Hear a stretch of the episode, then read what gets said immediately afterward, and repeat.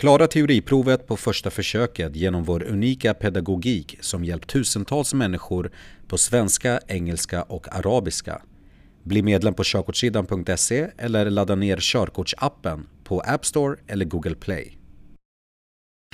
Hej och välkomna ska ni vara till 10 stycken nya körkortsfrågor här på körkortssidan.se platsen där vi hjälper er att ta körkortet snabbare, enklare och billigare. Du kan lyssna på det här också via podden Körkortsljudfrågor som finns på Spotify och där poddar finns. Gör du inte det än så följ oss gärna på Instagram. Där har vi ett, ehm, alltså, eh, alltså, eh, eh, vad heter det, en story där jag ställer vet, en fråga varje dag eh, som ni kan svara på. Och där släpper vi även bilder varje dag klockan 12 som hjälper er och påminner er om körkortsteorin.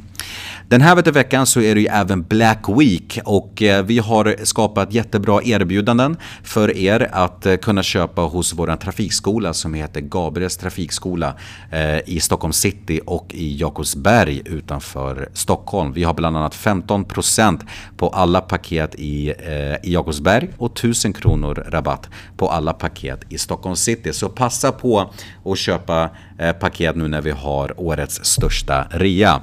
Men nu så ska vi sluta prata och gå in på 10 stycken körkortsfrågor och vi börjar med fråga nummer ett och den lyder Vad stämmer om oljelampan? Eh, och rätt svar här är att oljelampan eh, eh, när den lyser så ska du stanna direkt och stänga av motorn. Eh, och det är väldigt eh, viktigt att du eh, gör det för att annars så kan motorn få stora skador. Utan du, du, ska, du ska stanna på en gång, stänga av motorn och fylla på med motorolja. Fråga nummer två. Måste man ha en blankett för skadeanmälan i bilen? Och här är svaret nej men det är rekommenderat. Så ha gärna den blanketten med dig ifall olyckan skulle vara framme och du skulle behöva den blanketten.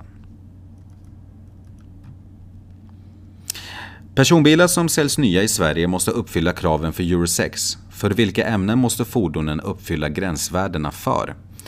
Och här är svaret kväveoxid samt partiklar. Och kväveoxid är ju bland annat det som bidrar till övergödning i sjöar. Eh, och eh, så att eh, det är de två ämnena som fordonen måste uppfylla gränsvärdena för. Nästa fråga. Kan bränsleförbrukningen bli bättre slash värre genom ditt körsätt? Och självklart så kan den bli bättre beroende på vilket sätt som du kör din bil. Och här är för er som är extra intresserade utav hur du kan köra för att värna mer om miljön, det är ju att utbilda dig mer inom eco-driving. För då kör du på ett sätt som är skonsammare mot miljön och skonsammare mot din plånbok. Nästa fråga. Du uppmuntrar din kompis att dricka alkohol när du är medveten om att eh, han eller hon ska köra bil. Kan du få ett straff för detta? Och här är svaret ja. Du kan dömas för medhjälp av rattfylleri om du, eh, om du medvetet uppmuntrar någon att dricka alkohol när du vet att den personen ska köra bil. Nästa fråga. Gränsen för grovt rattfylleri är en promille. Eh, du åker fast vid en alkoholkontroll vid 0,8 promille i blodet. Kan du ändå dömas för grovt rattfylleri. Och här är ju gränsen mindre än en promille. Men du kan faktiskt ändå åka fast för det om du exempelvis eh, kör eh, alkohol på, eh, alkoholpåverkad och orsakar en olycka. Så att eh, du kan ändå dömas för grovt rattfylleri. Vi tar nästa fråga. För vilken period gäller siffrorna inom parentes? Och eh, för er som lyssnar på körkortsljudfrågor så är det ju en tilläggstavla med, eh, eh, med tider Eh, eh, från, 8 till, eh, från 8 till 14 utan parentes. Och sen är det 8 till 14 inom, inom parentes. Och sen är det siffror som är 8 till 13 i röd, i röd färg. Och för siffrorna inom parentes de betyder att eh, den tiden gäller för dagar före söndag och helgdag. Så att inom parentes gäller alltså dag före röd dag. Helt enkelt. Så att, eh, så att till exempel på lördagar. Det är alltså en dag före röd dag. Vi går vidare till nästa fråga och eh, den lyder du får, eh, du får punktering när du kör 60 km i timmen och eh, parkerar bakom den vita bilen. Ska du sätta ut en varningstriangel? Och här är svaret nej.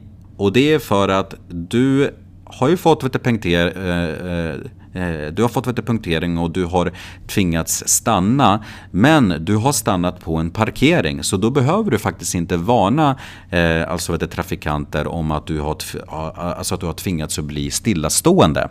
Så att eh, det här är en sån här fråga som kan vara lite klurig. Där man tycker att ja, men det är klart att jag ska eh, alltså, vet, sätta ut en varningstriangel. Men det behöver du inte i och med att du har stannat på en parkering. Hade det inte varit en parkering så hade du givetvis behövt sätta ut eh, en varningstriangel. Vi går vidare.